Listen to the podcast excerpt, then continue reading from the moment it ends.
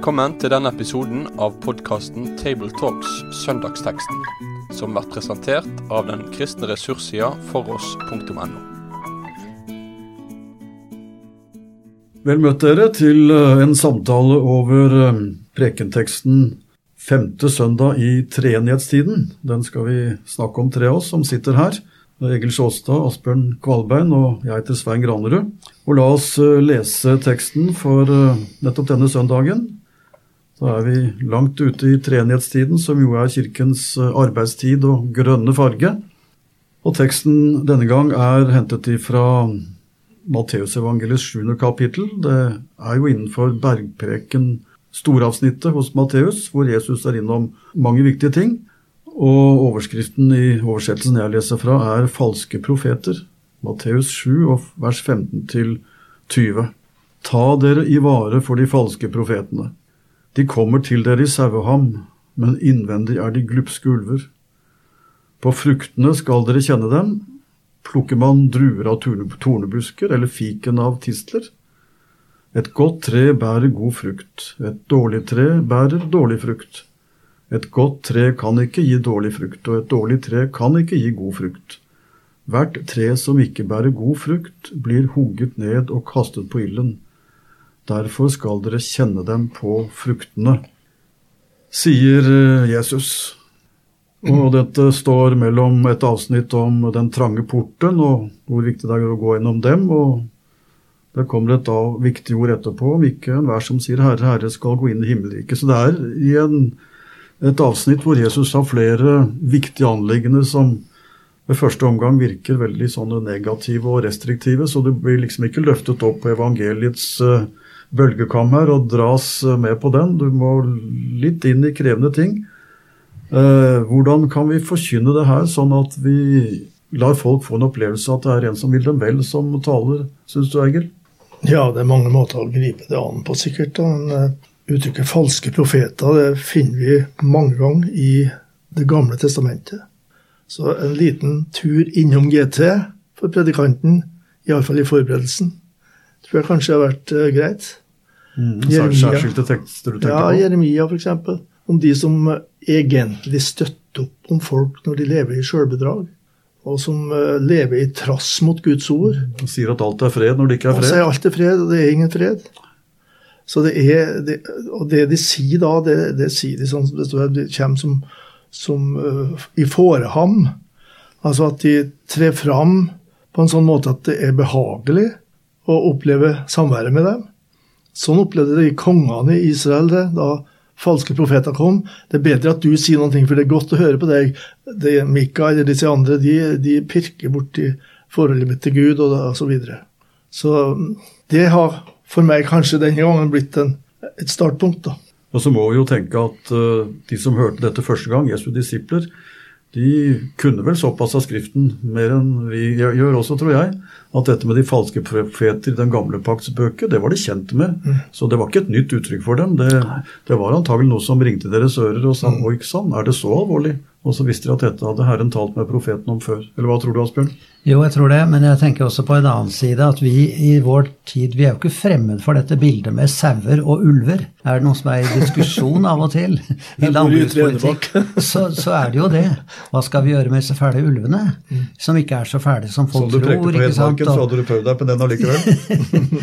jeg vet ikke det, men altså vi, vi skjønner veldig godt det er snakk om det onde og det morderiske og det veldig uskyldige og dumme med, med sauene som Jesus vil få fram. Og, og, hva er det som da folk liker? Det er naturligvis det milde saueskinnet, det eh, saueaktige, som er snilt og pent. og jeg må tenke på en sånn liten historie med knøttene, hvor Lucy er vendt tilbake til skolen etter ferien.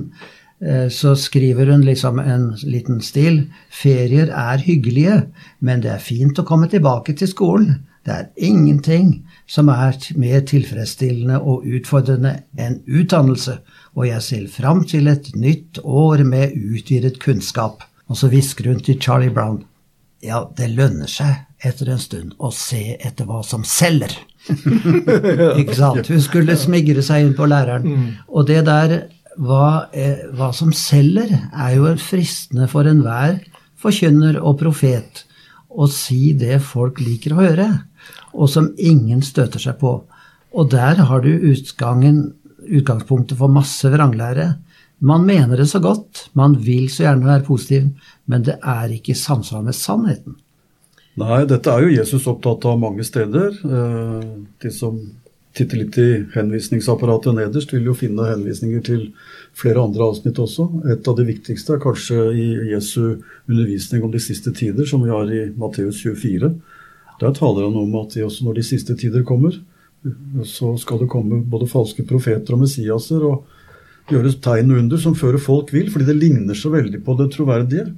Så det farligste er tydeligvis ikke når det kommer noen som alle skjønner er farlig, men når det virker så tilforlatelig og ligner såpass på det gode at vi, vi, vi syns at dette må da være greit nok. Da er faren bruker uttrykket vet du, om det som klør en i øret. Ikke sant? Det er det som behager og glir glatt inn. Tenk på noen, som, har lest i en bok i forbindelse med KRLE-faget. At uh, de spurte barna etter en periode på skolen om uh, hvem de syntes var best å lære om, da. Ja, det var mye godt om Jesus. Men Buddha, han ser jo så snill ut. Ja. Var... der, der, han sitter med hendene ja. foldet over brystet og ja, ja, smiler et uh, lubbent og godt smil. Ja. ja, han gjør det. Og da er det Ja, dette skal vi ikke føre for langt, men det er allikevel et uttrykk for at vi, når det gjelder religiøse, så vil vi lett ut fra vårt eget sinn da, oppleve noe positivt, et smil. Altså vi, og det får vi også i evangeliet, da. Men vi får ikke bare det i Guds ord. Og profetbudskapet, profeter, er kalt til å forkynne både Guds dom og Guds smil. Ja, og det var det som gjorde inntrykk òg da de hørte det første gang, bergpreken. Jeg tenker på det som står i slutten, at eh, de var slått av undring over hans lære, for han talte og lærte med myndighet mm. og ikke som de skriftlærde. Altså Det var lærde mennesker som kunne Skriften, men de talte ikke med myndighet. De talte ikke med et klart skille mellom tro og vantro, mellom falskhet og sannhet. Og det var det som slo ned i folk, at her er det noe som, som settes litt skrekk i oss, men som kan sette oss fri. Jeg ser jo for meg at mange som hører det vi nå har sagt, og tenker som vi, allikevel kan komme dit at man undres hvordan kan jeg være trygg på at jeg kan bedømme dette riktig?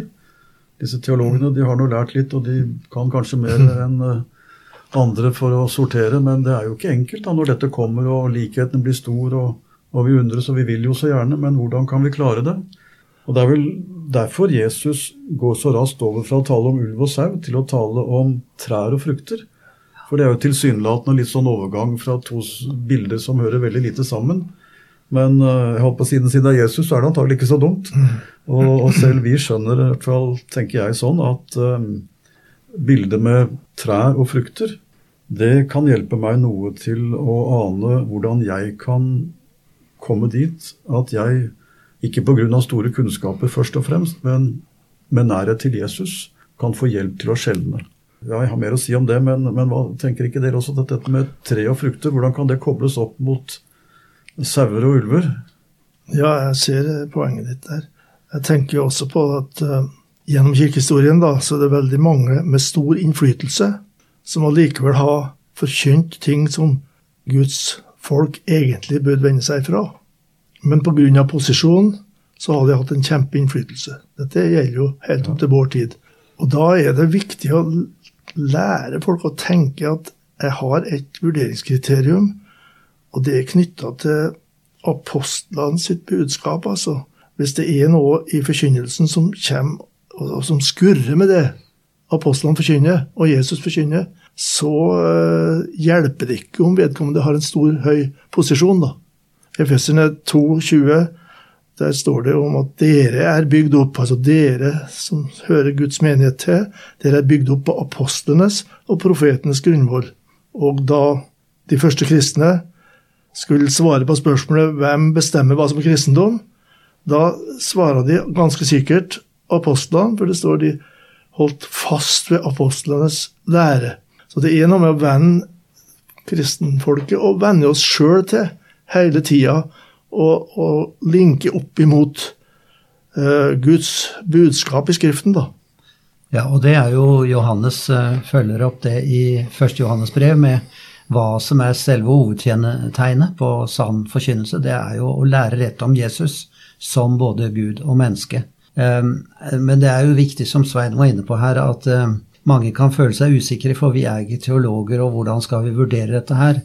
Jeg vil si at vi som teologer også må gi en, en viss tabbekvote for folk. Altså, vi må ikke si at folk er vranglærere med en gang, for de kan si noe dumt, og det har vi ofte gjort sjøl òg. Og vi må ikke utelukke folk om de på en måte snakker ut fra den begrensede kunnskapen de har. Og jeg tror ikke Jesus mener det slik, men da, her er det jo da nettopp som du sier, et, et, kriterium på frukten som det bærer. Og hvis det er gode brødre og søstre som bærer frukt ved at de viser til Jesus, så skal vi gi dem en liten sjanse til å snakke litt feil og litt eh, eh skjevt, kanskje, fordi de ikke kjenner dybden i Skriften. Så vi må ikke se en vranglærer bak enhver som uttrykker ting annerledes enn det skal gjøres helt korrekt. Men her går det på de store, viktige tingene. Og de falske profeter de er først og fremst opptatt av å please mennesker og gjøre det som er populært, og bygge sitt eget rike, så å si, eh, i motsetning til å bygge Guds rike. Og det er de store, avgjørende kriteriene vi må dømme det på. Ja, Det er sant. Jeg tenker nok for min del så ville jeg Nå nevnte du første Johannes brev. Jeg tror jeg ville våget her også å minne om eh, Johannes evangelium, vintreskapitlet, Johannes 15. For eh, det er jo Jesus begge steder, og at dette med vintreet er et bilde han bruker flere ganger. Eller i hvert fall tre av fruktene. Det er jo samme bilde. Enten det er vintre eller det er andre frukter, så, så går det jo på at et godt tre bærer gode frukter. Og jeg er jo ikke et godt tre i utgangspunktet. Så det Jesus sier i Johannes 15, det er jo at vi må bli i Han, sånn at Han blir i oss. Og da bærer vi frukt. For da er jeg, og da er det en gren som er koblet på vintreet Jesus, sånn at det er livet i Han som gjør at min frukt er gjenkjennbar som noe Jesus gjør i livet mitt. Og jeg tenker at dypest sett så er det den samme årsak-virkningssammenheng som Jesus taler om her. Hvis jeg skal være et godt tre, og nå tenker jeg på det treet som har evne til å skjelne, nå er ikke jeg en falsk profet, forhåpentligvis, men jeg vil gjerne sjelden å kunne bedømme. Og det kan jeg kun hvis jeg er et tre som, ja, som Jesus gir næring til, og som evner å se det han vil jeg skal se, og lytte til det han jeg vil jeg skal lytte til. Så da må jeg kanskje begynne, før jeg bedømmer andre, med å spørre er jeg et tre som lytter til Jesu ord, slik at uh, min gren kan bære frukt, eller er jeg et tre som kan gjenkjennes på det at det er fra han jeg får liv, og fra han jeg får evne til å dømme. Jeg tenkte jeg las den teksten her at uh, hva menes med frukt? Vi tenker veldig fort etiske kategorier her, da. Galaterbrevet, åndens frukt er kjærlighet, glede, fred. Og det er nok noe der òg, altså. Men her er nok frukt mer også det både etikk og dogmatikk, da. For, for hvis folk føres vill, så er det en dårlig frukt av av virksomheten som de er involvert i. Men jeg er enig med deg, Asbjørn, at, at Preikestolen er ikke stedet for å navngi ranglærere i nærmiljø eller i, i kirkeliv normalt. I etter reformasjon i Norge så laga de en kirkeordinans i 1537 allerede. Og der er det indirekte oppgjør, da. Bl.a. blant annet ved at uttrykket en skal holde seg til saken. For det har vært så mange helgenlegender som har vært preika. Skal holde deg til saken, og hva som tilhører saken, skal du forkynne. Og så står det at en normalt ikke skal navngi personer som en tar avstand ifra. Eh, omtrent sånn står det, jeg husker ikke nøyaktig formuleringen. Men det er nok For du kan skape, sette inn tanker i forsamlingen som forvirrer hvis en begynner å bli for konkret. Men så skjer det at det er så, sånn at det er et kall å si klart ifra, også ifra prekestolen, med, med navns nevnelse på, på, bevegelser eller personer. Da. Og det er en sånn utfordring, det også. Ja, det tror jeg nok at det er. Og, men jeg, jeg, tror det er viktig å peke på det som veldig fort faller ut i vår tid, og det er eh, appellen til omvendelse. Altså at vi, vi, har noe å vende oss fra i form av djevelen, verden og vårt eget onde kjød. Eh, den falske profet vil ikke snakke om det. At vi trenger å komme inn på en ny kurs. Men her er det vi må vokte oss for de som på en måte bare sier at alt er greit, alt religiøst er uh, fint. Alle religioner fører til samme mål.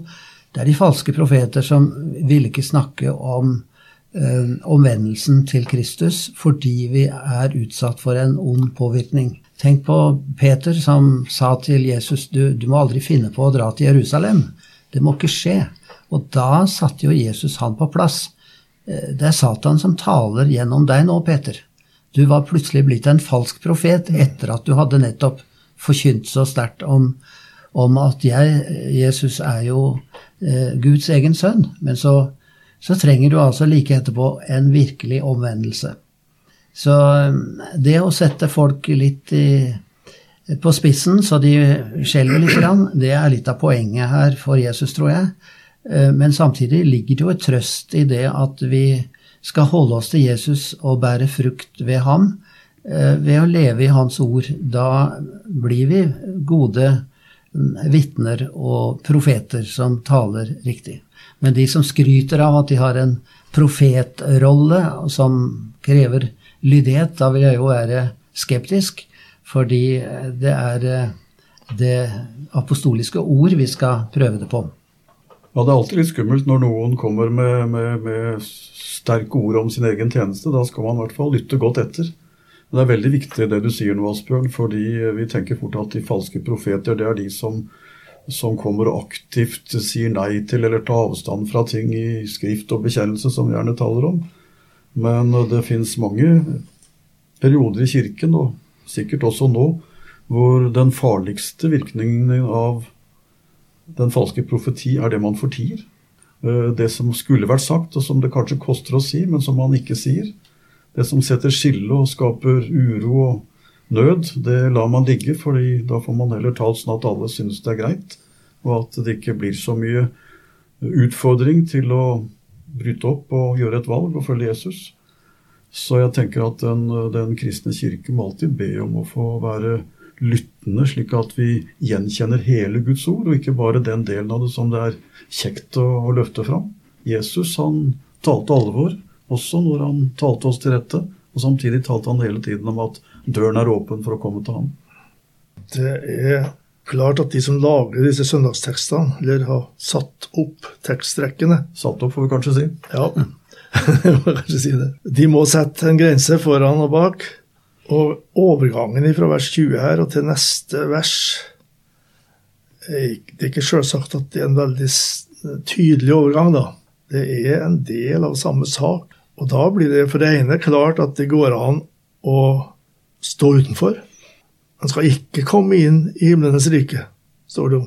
Så det er noen som ikke kommer inn. Og det kan jo være viktig å si også i vår tid, altså at det er tale om at uh, det er noen som ikke kommer inn i Guds rike. Og her er det knytta til de som ser bort fra Guds lov, da. Eh, de som gjør min himmelske fars vilje. Det betyr jo ikke de syndfrie, men det betyr jo de som vil innrette livet sitt etter Guds ord og bud. Så det å, det å avsvekke Guds bud og uh, ja Ikke bare tale nedsettende, men vende seg fra det eller si noe motsatt. Det er jo en veldig alvorlig sak, da. Ja, og her, du, du, siterte jo ikke det som står, men det står jo der ikke enhver som sier til meg 'Herre, Herre'. Altså det er mennesker som trer fram, veldig religiøse. Mm. Og det er de som kan komme til å lede feil. Og, og, det er jo så viktig det som er sagt, at vi må forkynne da sant både loven, evangeliet. I dag så ser vi jo at man kan manipulere mennesker til å bli religiøse ved å rett og slett skape skyldfølelse på en falsk måte eller frykt på en falsk måte, eller gi konkrete løfter om mirakler hvis du bare er religiøs nok.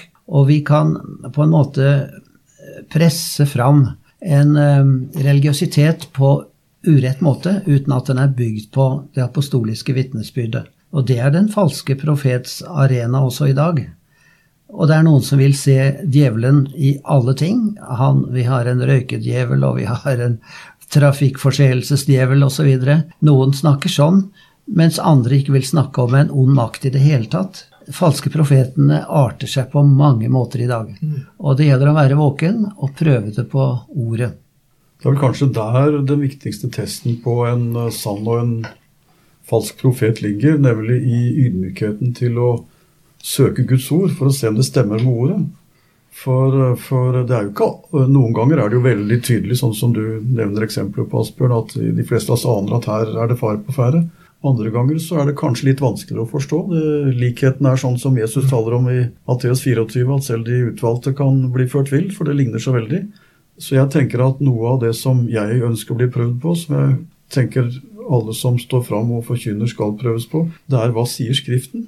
Det betyr at hvis jeg har sagt noe, så, så er villig til å gå tilbake og se stemmer det, det som jeg sa. Og invitere en som kommer med et budskap som jeg er urolig for, til å se hva er det Bibelen egentlig sier. Og hvis man er så fastholden på det man har sagt, at man ikke er interessert i å sjekke om det stemmer med Skriften, da, da ringer og bjellene veldig tydelig i mine ører. For det er det også stadig la Jesus, hans ord, det han har sagt, og det apostlene sier, la det være autoriteten som jeg stadig må prøve på, meg på. Det er kanskje det viktigste tegnet på at jeg ønsker å være en sann profet. Ingen av oss er feilfrie, men det å la Guds ord få ha den avgjørende autoritet, er kanskje ikke den viktigste testen vi kan undergi oss. Ja, og da må vi jo lære oss det som står i vers 13, å gå inn gjennom den trange porten og eh, skjelne den fra den brede porten og fortapelsens vei som de mange går på. Det kan bli en ensom vei å, å følge dette ordet når moten, den religiøse moten presser i en helt annen retning, i retning av eh, eh falske eh, ideologier og trender i samfunnet Eh, som, som lett fører folk på villspor. Da gjelder det å gå sammen med Guds folk den trange, smale vei eh, på ordets grunn. Jeg var sammen med noen på fredagen som var samla i bønn i koronatida. Altså var delt inn i flere små grupper ute hos oss. Og da satt jeg og tenkte på at her avspeiles det noe i den gruppa jeg var sammen med. da. At de er fylt av formuleringer og tanker fra Skriften når de ber. Og det er nok noe der altså at vi, vi må søke inn til Herrens ord. Og det står jo i en sang 'Mennesket lever ikke ja, mitt bibelord også, lever ikke bare av brød, men av hvert ord som går ut av Guds munn'. Altså til næring for oss. Og, og uh, som Grundtvig skriver i dette verset, Guds ord det er vårt arvegods, det våre barn skal være. Det er noe vi får på innersida, og som da vi formidler Eh, mer eller mindre, kanskje ubevisst også. Og da er vi med å, å sette kursen for den kristne menighet. Ja, dette er jo fint. Eh, de skal kjennes på fruktene, står det i vers 20. og Det kan vi kanskje avslutte med. Vi har talt mye om disse fruktene nå. Både å tale sånn at det stemmer med ordet. Eh, tale sånn at jeg både har en glad frimodighet, men samtidig en sunn ydmykhet. At jeg er villig til å la meg etterprøve. Og at jeg er en kristen som både selv ber om å få være et troverdig vitne, og som også i Jesu kjærlighet kan lytte til andre og invitere til å lytte til Hans ord hele veien, slik at det vi sier, er sant, at det er Jesus som kommer fram med det som er viktig. Så selv om det er en litt sånn robust tekst i utgangspunktet, så ligger det også et godt evangelium her. Vi skal få hente frukten og kraften og tjenesten hos Han som er selve livet. Så vi får ønske hverandre lykke til, både i vår egen tjeneste og i fellesskap med hverandre. Takk for nå. Med det sier vi takk for følget for denne gang. Finn flere ressurser, og vær gjerne med å støtte oss på foross.no.